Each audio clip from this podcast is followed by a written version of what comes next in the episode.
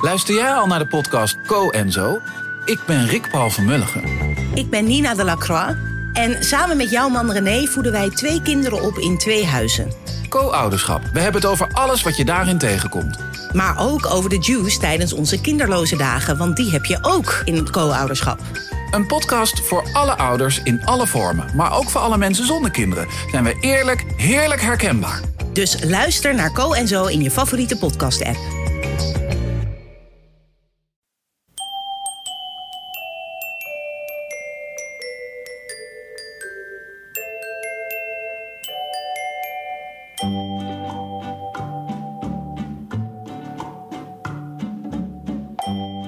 Bij aflevering 37 van de Echt Gebeurd podcast, waar echt gebeurde verhalen worden verteld door de mensen die het zelf hebben meegemaakt. In deze aflevering een verhaal van Niels Roelen. Het thema van de middag was De Baas.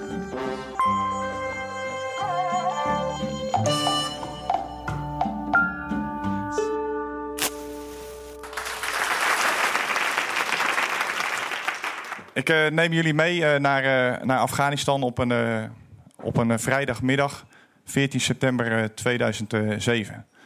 In Afghanistan is het nog zomer, het is een graadje of 50 en wij lopen een patrouille op de route Shingala West in Derawood. En voor de mensen die er wel eens geweest zijn, ik kan het niet zien als u uw hand opsteekt, want ik kijk tegen een licht in. Maar wij noemden het ook wel, vanwege de geur, noemden we het ook wel Derawiet. En het was ook één grote wietplantage. Na een, uh, na een minuutje of, uh, of dertig uh, begint de patrouille zoals de meeste patrouilles in Afghanistan destijds eindigden. En werd het, werd het gezellig. En raken we met vijf man op de route Shingala West. omsingeld door ongeveer een dertig man Taliban. Dan kun je met vijf man kun je nog aardig wat doen. Waar het niet dat een van de vijf man een tolk was. Die geven we geen wapens, want stel je voor dat ze daar wat mee gaan doen. Uh, en het was ook nog Ramadan, dus die, die tolk die had wat problemen met dat wij een patrouille aan het lopen waren in deze verzengende hitte. En uh, wat honger en dorst had, want uh, ze drinken dan overdag niet.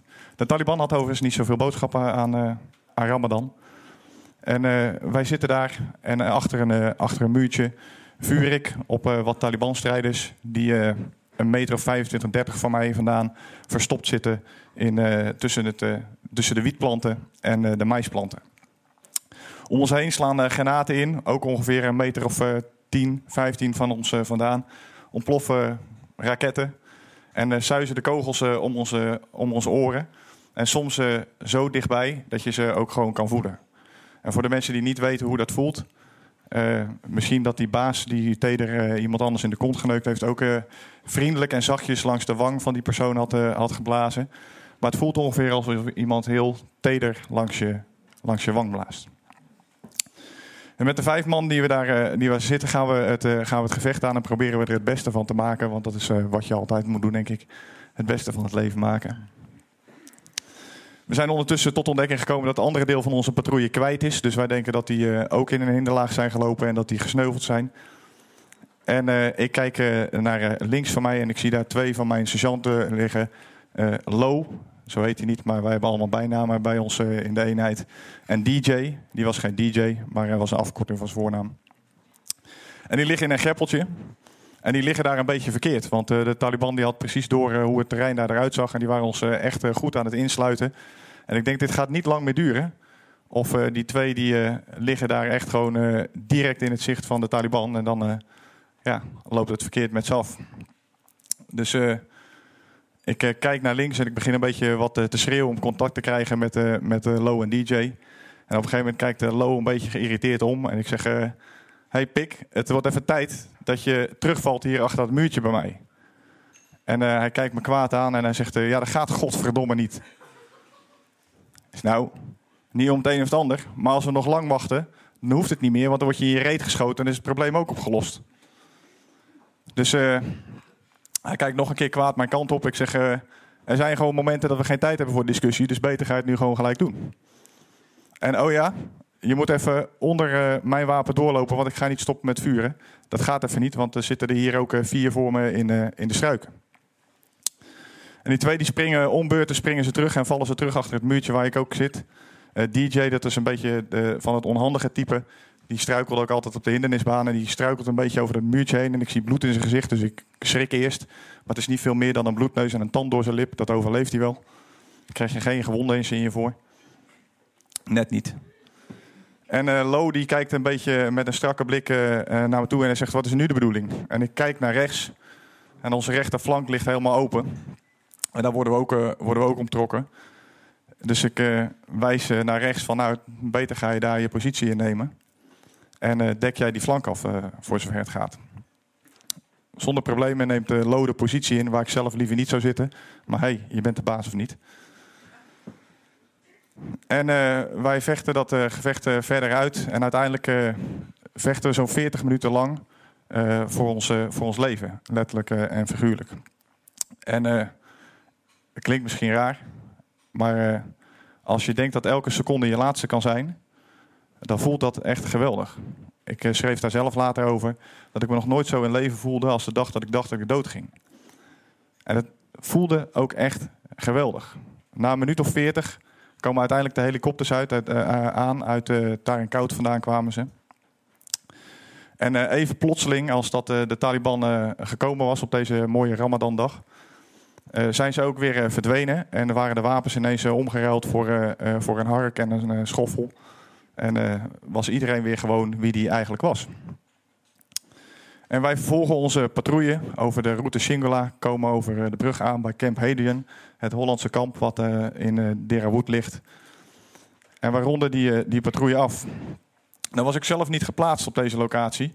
Dus ik wist ook dat nadat ik me even had kunnen opfrissen, want soms is er best wat tijd om ook gewoon wat leuks te doen bij het leger. Dat ik in een auto moet stappen en terug moet gaan rijden naar, naar Taring Koud. En ik neem afscheid van die jongens. En ik weet ook gewoon dat het ongeveer nog een maand, twee maanden zal duren voordat we elkaar weer zullen zien. En dat is dan in Nederland, gewoon op de kazerne waar we, waar we werken. Ik ben zelf rond de, rond de kerst eh, kom ik thuis en ik word benaderd door een journalist van de Volkskrant. Ik zal de naam van Noël van Bennemon niet noemen, omdat ik hem niet mag. En die vraagt mij om een verhaal te schrijven over, uh, over wat we meegemaakt hebben in Afghanistan. En ik besluit om dit verhaal op te schrijven. En uh, dat verhaal wordt uh, keurig netjes gepubliceerd in, in de Volkskrant. Maar ik heb daar nooit over kunnen spreken met, met die andere jongens met wie ik daarover gevochten heb. Dus dat is natuurlijk mijn verhaal. En uiteindelijk kom ik op de eerste werkdag op de kazerne. Ik word bevorderd tot major. Ik weet niet of dat door mijn schrijfkwaliteiten was of door het gevecht dat we daar gevoerd hadden. Ik hoop het laatste. En ik word commandant van de eenheid, waar ook uh, Lo en DJ onder andere deel van uitmaken.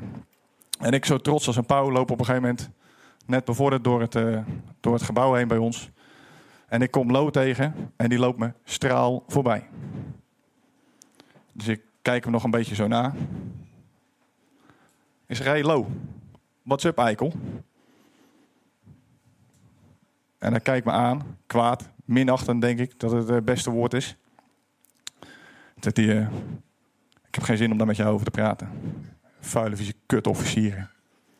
Het heeft überhaupt geen, geen zin om met uh, officieren te praten, want jullie doen toch waar je zin in hebben. En als ik jou ga vertellen wat ik zou willen zeggen tegen je, dan slinger je me toch op rapport. Dus ik kijk hem een beetje verbaasd aan, wat er aan de hand is. Dus wat je zou willen zeggen tegen me. Nou, zegt ik zou niet eens wat tegen je willen zeggen. Het liefste zou ik je eigenlijk gewoon op je bek willen timmeren. Dus ik kijk hem nogmaals aan. En hij zegt, uh, dat is allemaal wel makkelijk, hier zo in het leger. Maar, uh, en hij wijst naar mijn jasje. Met die sterren bepaal jij wat er gebeurt en heb ik gewoon helemaal niks te vertellen. Ik ben heel even stil, omdat ik eigenlijk nog nooit in mijn hele carrière op mijn strepen ben gaan staan. Dus ik vraag aan hem: Is dat echt je probleem? En hij knikt. Dus ik trek mijn jasje uit. Flikker het net zo minachtend als dat hij naar me keek op de grond. En ik zei: Nou, kom maar dan. Nu is het gewoon Niels en Lo. Geen major, geen sergeant. Dus ik stel voor dat jij me nu op mijn bek slaat. Dan sla ik terug. Dan kijken we wie er wint. En dan wie er wint, die mag uiteindelijk bepalen wat er gaat gebeuren. En hij doet helemaal niks. Dus ik denk, lafaard. Ik zeg, wacht even, het werkt natuurlijk net als in Afghanistan. Het moet zelfverdediging zijn. Dus ik zeg, het is misschien beter als ik jou eerst op je bek sla. Dan mag je mij terugslaan, want zo werkt het al. En dan is er geen probleem. Dan kan ik je ook niet op kapot slingen. Nou weet ik dat Lo een stukje sterker is dan ik. Dus ik denk, het wordt nu wel tijd om mijn buikspieren een beetje aan te spannen en uh, klaar te worden voor, uh, voor een klap die gaat komen. Maar die klap die komt niet. En hij kijkt me een beetje aan en hij zegt, uh, misschien kunnen we beter even praten. Ik dacht, goed idee. En wij gaan zitten op de trap in ons, in ons legeringsgebouw. En ik vraag, wat is er nou aan de hand? Nou, zegt Lo tegen mij, je hebt een verhaal geschreven over Afghanistan in de Volkskrant. En er staan allerlei dingen staan daar niet in. Ik zei, nee, maar dat klopt. Want ik kan ook niet alles zien. Ik heb alleen beschreven wat ik heb, wat ik heb gezien. Ja, die, maar wat je niet hebt gezien, is wat er op de daken van die huizen daarachter gebeurde. Dat er talibs lagen onder kleedjes die af en toe omhoog popten als in een fucking western, zegt hij. En dat er een van de eikel van die andere patrouille aan de andere kant van de weg verdwaald was geraakt. En helemaal als aan de grond genageld midden in een open veld eh, een beetje kogels stond te vangen. Die moest daar eerst weg. Ik zei, ja, maar wat wil je dat ik daarmee doe? Hij kijkt me een beetje aan en hij zegt, uh, ja, eigenlijk zou ik graag willen hebben dat, uh, dat je dat ook opschrijft en dat je dat ook publiceert. Dus nou, prima. Dat lijkt me eigenlijk niet zo'n heel groot probleem. En toen kijkt hij me aan en zegt hij, zou u dat echt willen doen? Dat vond ik wel aardig, want dat was voor het eerst in het hele gesprek dat hij me ook met u aansprak. En ik vond dat ik dat wel verdiend had. En toen zei ik, ja, natuurlijk. zeg, maar je mag ook zelf het verhaal schrijven, want ik heb begrepen dat jij ook schrijft. Ja, zit hij. Maar niet zo goed als u. Dat vond ik ook wel aardig, want ik denk dat dat ook waar was. Dat zal ik heel eerlijk zijn. Ja, je bent de baas of niet. Dus ik zeg, nou, ik, stel, ik doe je voorstel. Ik schrijf dat verhaal. Jij tekent het voor mij op en ik schrijf dat verhaal. En dan publiceren we dat verhaal ook nadat jij het goedgekeurd hebt. En hij is helemaal blij. En hij kijkt, me, hij kijkt me aan, hij omhelst me. Hij loopt de trap af. Hij gaat denk ik aan het werk. Ik weet ook niet altijd wat dat bij ons is, maar wij gaan altijd aan het werk. En hij draait halverwege de, uh, de trap draait hij nog een keer om en hij zegt: uh, Voor een kutofficier valt u eigenlijk best wel mee. En zelf denk ik op dat moment aan een boek wat ik heb gelezen van Sandor Marij. Ik weet niet of iemand het kent, het heet Gloed. En daar staat dat uh, elke vorm van menselijke macht staat erin, heeft een zweem van nauwelijks voelbare minachting over degene over wie je heerst. En ik denk één ding. Ik wil nooit, maar dan ook nooit gezien worden als de baas. Dankjewel.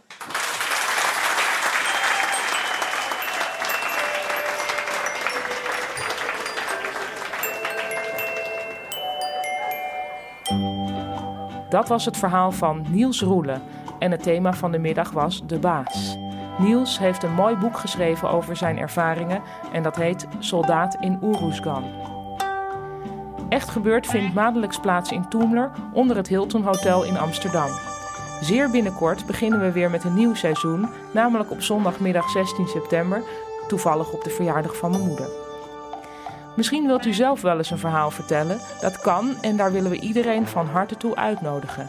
Kijk hiervoor op www.echtgebeurtintoemler.nl. Daar staat ook wanneer echt gebeurd is en wat de thema's zijn. Oh, en voor wie ons een plezier wilt doen, schrijf een recensie over ons op iTunes. En we zitten ook op Facebook. En als je ons liked, weten meer mensen dat we bestaan. De redactie van Echt Gebeurd bestaat uit Micha Wertheim, Rosa van Dijk, Eva Maria Staal en mijzelf, Paulien Cornelissen. De techniek is in handen van Vrijman en Vrijland. Bedankt voor het luisteren en tot de volgende podcast.